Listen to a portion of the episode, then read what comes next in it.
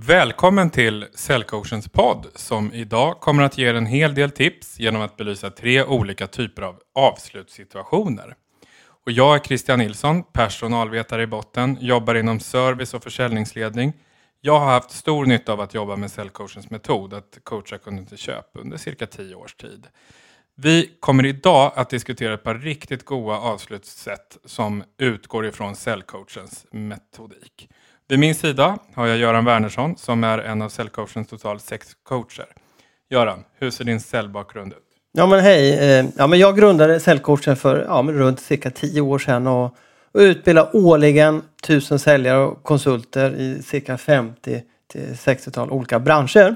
Men innan dess så var jag försäljningschef på Agra djurförsäkringar och hade ansvar för cirka ja, 120 säljare. Och innan dess har jag jobbat både som säljare och försäljningsansvarig för ett antal olika företag och haft lite som en specialitet att kunna gå på avslut men utan att uppfattas som en krängare.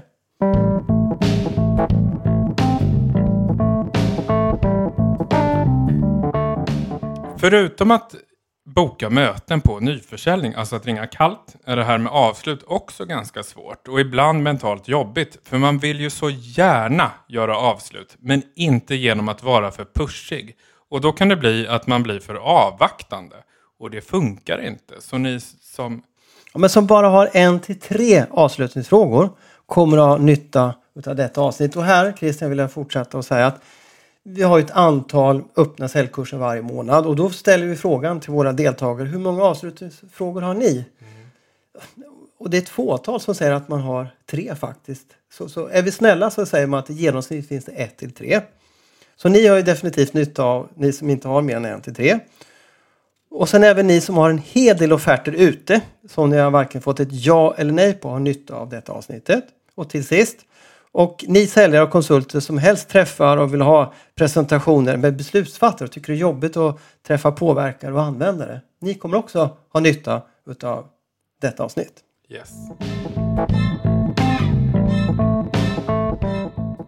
Fördelarna med att ha ett bra avslut är ju ganska uppenbart.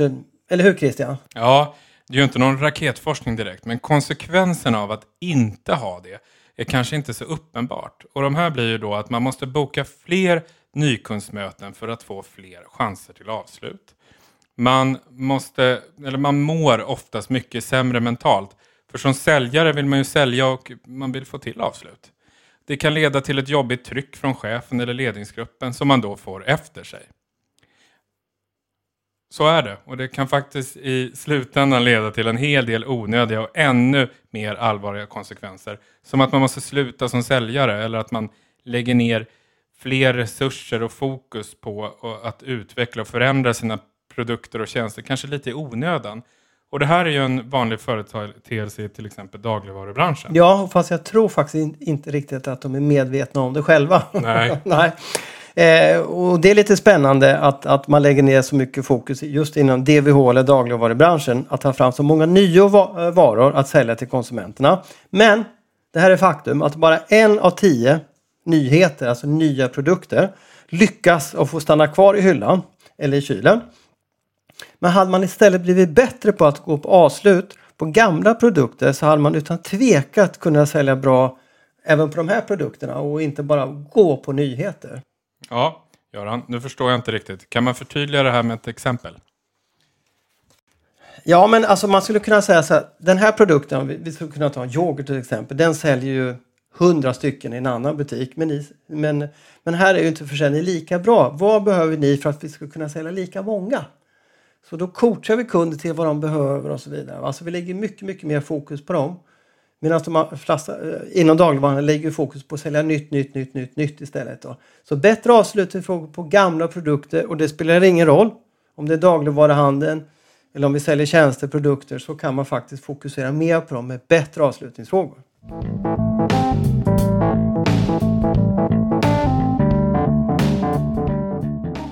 Vi ska gå igenom tre olika typer av avslutssituationer och hur ni kan agera för att få flera och snabbare avslut genom att coacha kunden och lotsa dem till en affär utan att det känns jobbigt för dig som säljer och heller inte jobbigt för kunden.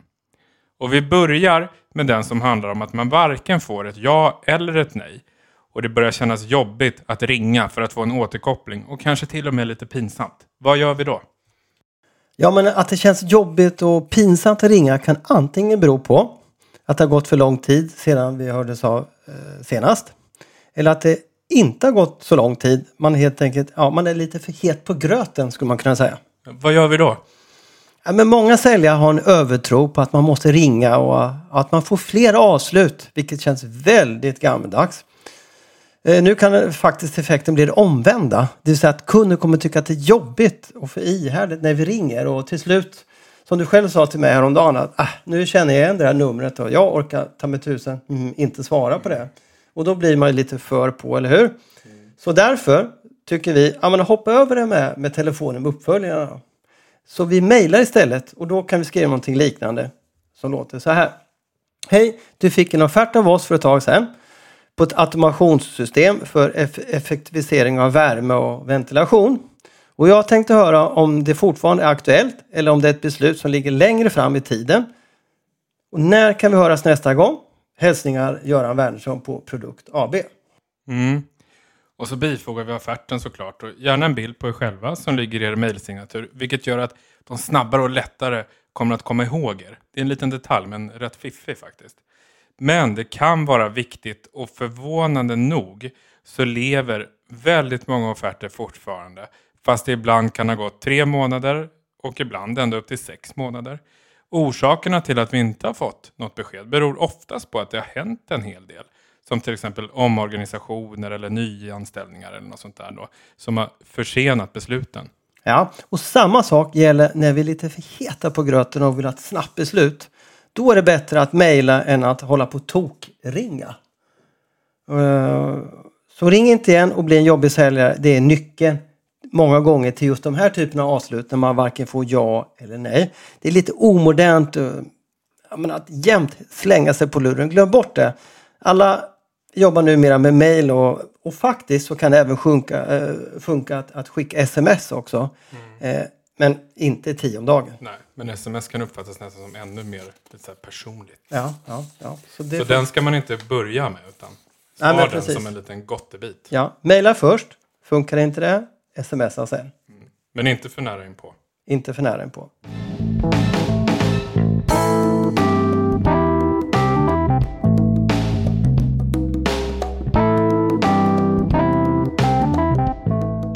När ni har möte med personer som inte fattar beslut så kallar vi dem för påverkare eller användare. Och den som bestämmer, chefen eller ledningsgruppen, kan oftast inte fatta beslut utan de här personerna.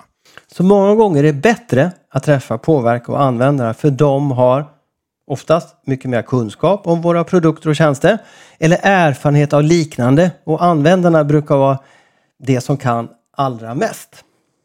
Och de brukar också ha mera tid än chefen och är därför lättare att få tag på för de får inte så många samtal, i alla fall inte från, från säljare.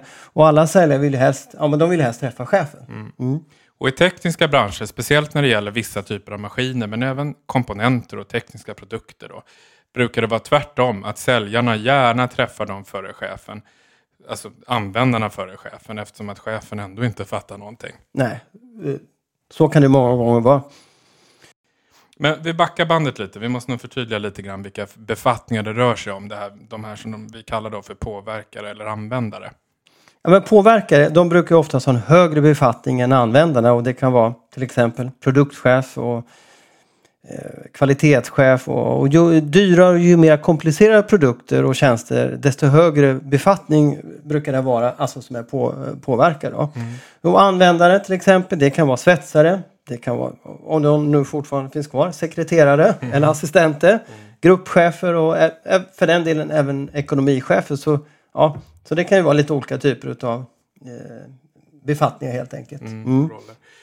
För egentligen så är det ju de här personerna, alltså påverkarna och användarna, de som verkligen fattar besluten. För som vi sa förut då, chefen, de hinner ju inte träffa alla säljare och leverantörer. De har helt enkelt inte tid. Eller så har den som bestämmer inte den kunskapen för att kunna sätta sig in i våra produkter och tjänster som krävs för att kunna ta ett rätt köpbeslut.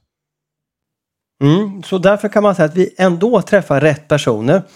Fast de inte har sista ordet. För chefen skulle ju aldrig ta ett beslut utan, eh, utan eh, liksom fråga de här personerna vad de tycker om våra produkter och, och, och tjänster. Alltså de, de, måste, de litar ju på deras expertis. Mm. Så därför kan man säga att vi träffar rätt personer ändå, fast de inte har sista ordet. För chefen skulle ju aldrig ta ett beslut utan att fatta sitt beslut utifrån vad de här personerna anser om produkterna eller tjänsterna. De skulle lita på deras expertis som sagt. Ja men så är det då. Så, bara en sak till här. här. Om, om, eh, om användarna och påverkarna säger så här, nej men de ska vi inte ha, det här är inga bra produkter och tjänster. Och vad säger chefen inte då? Ja, men eh, vi köper dem ändå. Nej, så, så är det ju inte helt. Alltså, ni har träffat rätt personer. Ja. Eh, vi har ju tre huvudfrågor. Ja, och den första är då, som vi ställer till de personerna vi har framför oss. Om du själv hade fattat ett beslut, eh, eller vad tycker du om, vill du köra på de här produkterna?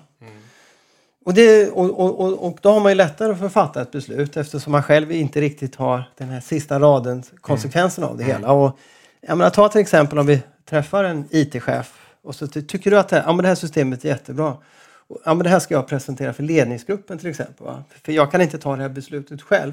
Och samma sak här, så kommer ledningsgruppen och frågar IT-chefen, tycker du att det är ett bra system? Då kan ju inte han säga nej, det tycker jag inte. Och då säger ledningsgruppen, då kör vi. Det funkar ju inte heller då. Så det är liksom helt avgörande när vi träffar påverkar användare. De måste säga ja. Så frågor som får dem att säga ja. Mm. Och sedan så frågar vi, men hur, hur, vad är det viktigaste för ledningsgruppen eller chefen? För, förmodligen så har man helt olika typer av säljargument som gör att man fattar, som man fattar beslut på. Och användarna, de är ju mera tekniskt specificerade och funktionsbaserade beslut kan man säga då. Medan ju högre chef man har desto mera nytta vill man se då, i form av tidsbesparingar och effektivitetsbesparingar eh, och så. Och de är inte lika fokuserade på tekniska detaljer eller användningsmöjligheter helt enkelt. Då. Så därför frågar vi vad är det viktigaste för chefen eller ledningsgruppen? Och med hjälp och beroende på de svarar där så kan vi hjälpa våra påverkare och användare att faktiskt lägga fram säljargument som eh, chefen och ledningsgruppen tycker ah, det här var ju spännande. Mm. Och sen har vi en fråga till utav totalt tre. Och, och då ställer vi frågan så här, hur tycker du att vi ska gå vidare säger vi till användaren och, och då pratar vi om ekonomi. Det kan ju vara en ekonomichef, det kan vara en svetsare, det kan vara en sekreterare. Vad tycker du? Hur, hur, hur tycker du vi går vidare? Och då kan ju faktiskt den här personen säga, ja, men jag tycker att eh, vi träffar chefen eller du får dra det här för ledningsgruppen. Eller så kan de säga så här, ja, eh, jag drar det här för chefen eller jag drar det för ledningsgruppen. För I och med att vi frågar hur de ska gå vidare så, så, så, så sågar vi inte dem längs med, med eh, fotknölarna. Så här är det Christian, jätteviktigt att de själva tar sitt eget beslut och det är vad vi kallar en coachande avslutningsfråga. Så att vi gör dem delaktiga i sitt beslut. Mm. Mm.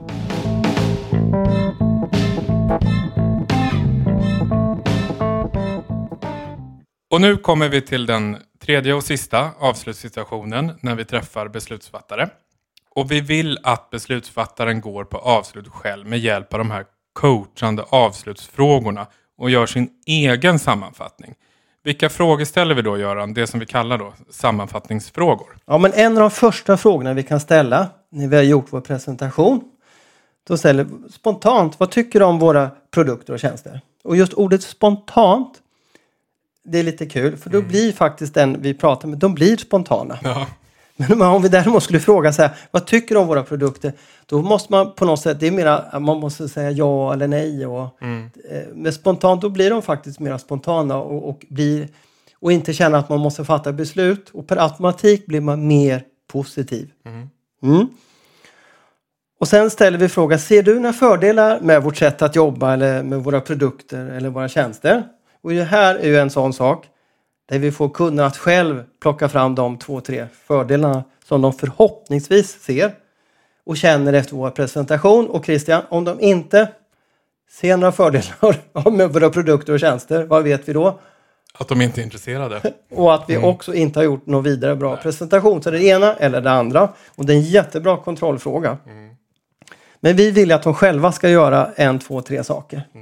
Och säger de ingenting eller har glömt bort det av olika orsaker, då hjälper de lite på traven med ledande frågor. Och då, men du, vad tycker du om våra leveranstider och hur ser du på den här lösningen? Alltså, vi hjälper dem att själv se det om det går lite trögt i början. Och så har vi en fråga till eh, som under gruppen sammanfattningsfrågor. Och, och den brukar faktiskt många säljare ställa. Och det handlar om, är det någonting du tvekar eller funderar på? Och den frågan är så viktig att det är bättre att de ja, men får chansen att visa sig tveksamma nu när vi träffar dem. Än att de blir tveksamma och fundersamma när de sitter på kammaren. Eftersom nu har vi chans att besvara den här invändningen då, så den frågan måste bara fram. Och speciellt om vi känner att de är tveksamma. Och bara där genom att vi ställer den så blir de mindre tveksamma. Att vi vågar ställa den frågan. Ja, det är tre frågor som gör att kunden går på avslut själv med sin egen sammanfattning. Och den traditionella gammaldagsa säljaren som jobbar lite old fashion, den gör en sammanfattning åt kunden själv. Det blir väldigt fel att göra så på grund av att vi bestämmer då i sådana fall vad kunden ska tycka är viktigt. Och risken blir då stor att vi missar det kunden tycker är viktigt. På så sätt blir de överhuvudtaget inte alls delaktiga. Och känner till och med att det här var lite för på eller till och med lite för krängaraktigt. Så glöm bort det där med att göra en sammanfattning åt kunden. Kunden ska sammanfatta själv med hjälp av våra frågor så att kunden ger dig nyckeln till att det ska bli affär. Nästa del i våra avslutningsfrågor handlar om priser.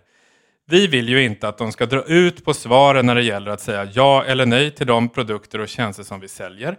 Och i bästa fall kan vi naturligtvis få avslut på första mötet. Men det är ju inte ofta så vanligt eller troligt att det blir så. Även så är det ju. Mm. Men med hjälp av de här frågorna så kommer kunden faktiskt själv att gå på avslut. Vilket innebär att det utan tvekan blir ett snabbare avslut än vad det annars skulle ha blivit. Så, vilka frågor är det då, Göran? Ja, men det handlar om olika typer av budget och, och prisfrågor. Och är det så att vi säljer produkter och tjänster där vi har ganska Ja, vi har en tydlig prisbild och vi vet ungefär vad det kostar. Och då säger vi, ja, mellan tummen och pekfingret kostar den här tjänsten si och så mycket. Eller vet vi exakt vad den kostar så, så, så, så nämner vi det helt enkelt. Men vi får aldrig chansa på så att vi sen måste lämna ett högre pris än vad vi pratar om. Men här är det otroligt viktigt. Jag menar, säg till exempel att vi säljer annonser. Som man säkert kan köpa allt ifrån 20 000 till 800 000. Ja, men om du skulle köpa en radioreklam. Då kan vi säga, säga till kunden, ja men vi kan ju lämna ett pris på 50 000 eller 800 000. Vilken nivå känns rimlig för er? Och samma sak om vi lä lämnar konsulttid. Vi kostar 1500 k- kronor per timme. Känns det rimligt för er? Och hur många timmar tycker ni att ni vill lägga på den här aktiviteten? Då? Ja, så vi, och vi stannar kvar ganska länge vid de här prisfrågorna helt enkelt för att ringa in vilken prisnivå om det känns vettigt. Och, och oj, oj, oj, kanske de säger det var alldeles för dyrt. Och då får vi själva fundera på om det är värt att lägga så mycket energi på att helt enkelt göra en offert. Och den här frågan har mang- ganska många, äh, ska vi kalla det, vinklingar. Och en av dem är faktiskt att när vi sitter hemma på kammaren och gör en offert så ska vi väldigt sällan, efter att ha ställt rätt frågor, fundera på vilket pris ska jag sätta? Det ska du försöka göra klart innan du går från kunden. Så långt det nu är möjligt.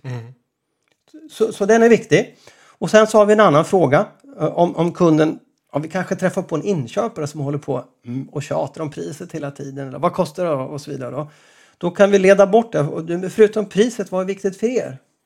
Så även där då, även om det är prisfråga så försöker vi få bort dem ifrån, från själva just, just den prisfrågan. Då. Ja, så att eh, det här är några frågor som, eh, eh, som vi har och eh, ja, det är väl egentligen dem det handlar om. Ja, vi har ju de sista frågorna. Beslutsfrågorna. Eh, och de här frågorna leder till att vi får snabbare avslut och med hjälp av beslutsfrågorna kommer kunden själv att inte förhala processen medvetet eller omedvetet fatta sitt beslut inom rimlig tid. För kunden vill inte själv förhala processen utan de vill som chef fatta sitt beslut så effektivt som möjligt. När det gäller chefer och kanske speciellt lite högre chefer är det tro, otroligt viktigt att inte peka med hela handen och tala om vad den här chefen ska göra. För det är de inte vana vid och så vill de inte ha det. Dessutom blir de inte delaktiga i sitt eget avslut. Eller beslut då. Med hjälp av dina frågor ska den här chefen känna att wow, vilket bra beslut jag har fattat. Då har de själva committat sig att ta ett beslut och generellt sett så är det ju så att man vill hålla vad man lovar. Göran, kan vi exemplifiera det här med hjälp av några sista frågor här som generellt sett funkar för alla typer av branscher? Ja, vi skulle kunna säga vad behöver du för att kunna fatta ett beslut? Och då får vi formulera den så att det känns okej okay, för vi som ställer den. Och, och eh, vi vill ju undvika att säga att eh, då skickar jag en offert. Om det är en sån tjänst vi säljer så att man måste ha en offert så vill vi ja, att kunden säger ja, men skicka mig en offert. För om kunden säger det själv då är sannolikheten mycket större att de öppnar den och mer intresserade när den kommer. Men det som är spännande med den frågan är att de kanske inte alls säger att jag vill ha en offert utan ja, de kan ju säga så här, ja, men vi behöver ett möte till. Jag vill att du träffar ledningsgruppen. Jag vill ha tre referenspersoner och så vidare. Va? Så att låt kunden själv vara delaktig i sitt eget avslut och bestämma vad man ska göra. För då är chansen mycket större att vi får ett avslut än att vi återigen pekar med hela handen. Och att vara delaktig handlar om att kunden själv ska känna att det är den som bestämmer och har fattat beslutet. Ja, och precis. bestämt hur det ska Ja. gå till med hjälp av dina frågor. Och är man lite för, bo, för på så säger man okej då skickar jag en offert. Och den kommer på tisdag klockan 10. Mm. Och då är risken att man inte alls blir committad. Nej. Och chansen att man öppnar den offerten minskar ju betydligt. Så det är jätteviktigt. Mm. Och, och, och är man i en sån bransch till exempel där man har ganska tydliga prisnivåer och inte så mycket att snacka om och man kanske inte ens har en offert utan ja, bara en prislista. Så kan man ju säga så här då om man, eh, vad behöver du för att kunna fatta beslut nu? Mm. Är det någonting mer du vill veta? Eller räcker den här presentationen jag har gjort? Så det hänger ju lite ihop med vilka produkter och tjänster man säljer. Så cykeln kan ju vara allt ifrån bestämma sig nu till ett halvår helt enkelt. Men oavsett om det är kort eller lång beslutsprocess så kommer det definitivt att, att bli ett snabbare beslut med hjälp av frågan vad behöver du för att fatta ett beslut? Och sedan, trots att vi vet om att vi träffar högsta, chefen Christian, så ställer vi ändå frågan hur går er beslutsprocess till? Och då vill vi ju att chefen ska säga det är jag som bestämmer. Såklart, eller hur? Och när chefen säger då, eller vem det nu är, då, behöver inte vara chef för den delen, säger att det är jag som bestämmer. Då kan jag garantera dig, då ökar beslutsprocessen enormt mycket. För en chef är ju van att bestämma och bilden av en chef är att de ska bestämma. Va? Och då ökar beslutsbenägenheten mycket, mycket mera. Så trots att ni vet svaret så ställer ni ändå frågan. Och så går vi vidare med nästa fråga. När tror du att du har fattat ett beslut? Och den frågan, Christian, gör att, att vi får för, förmodligen säkert, vi halverar beslutsprocessen. För man kan ju inte säga, ah, men först kommer jag inte svara när du ringer tre gånger. Och sen kommer jag förhala processen i tre månader och, och så vidare. Utan, utan då kommer det säga, vad är rimligt liksom? Och då, om det nu är rimligt med en dag eller fem dagar eller fem, eller, eller fem veckor, det vet vi ju inte. Men det, jag skulle tro mellan tummen och pekfingret att vi halverar beslutsprocessen bara genom den frågan. Mm. Det är en fiffig fråga. Ja, ja men det är det. Och sen har vi sista frågan eh, för våra beslutsfrågor och den är som vanligt. sista Så frågan är ju viktigt. Ja, boka ett möte eller telefontid då för nästa kontakt. Ja. Och det gör man genom att fråga. Ja. Och då framstår vi ju inte heller och då kan vi ringa hur många gånger som helst. Så fort när man avslutar ett samtal med en kund och frågar när kan jag ringa nästa gång? Och då kan du ringa så många gånger som, som kunden säger att ni kan ringa. Så ta inga, inga egna beslut när ni ska ringa för då, Då blir ni blockade. ja, men då blir man blockad och då ringer man ju för ofta. Så att, eh, ja men det var väl allting om, om våra avslutningsfrågor, eller hur? Yes.